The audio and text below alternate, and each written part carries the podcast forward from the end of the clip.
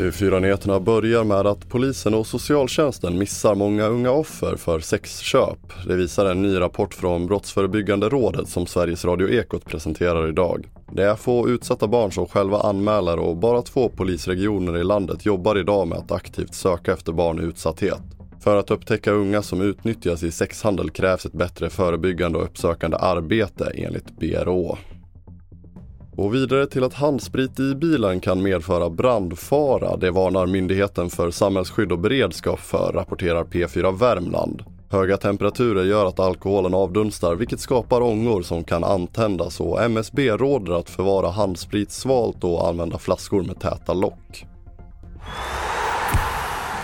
Och vi avslutar med EM där Sverige igår kväll besegrade Belgien med 1-0 och nu är klara för semifinal. Men det satt långt inne.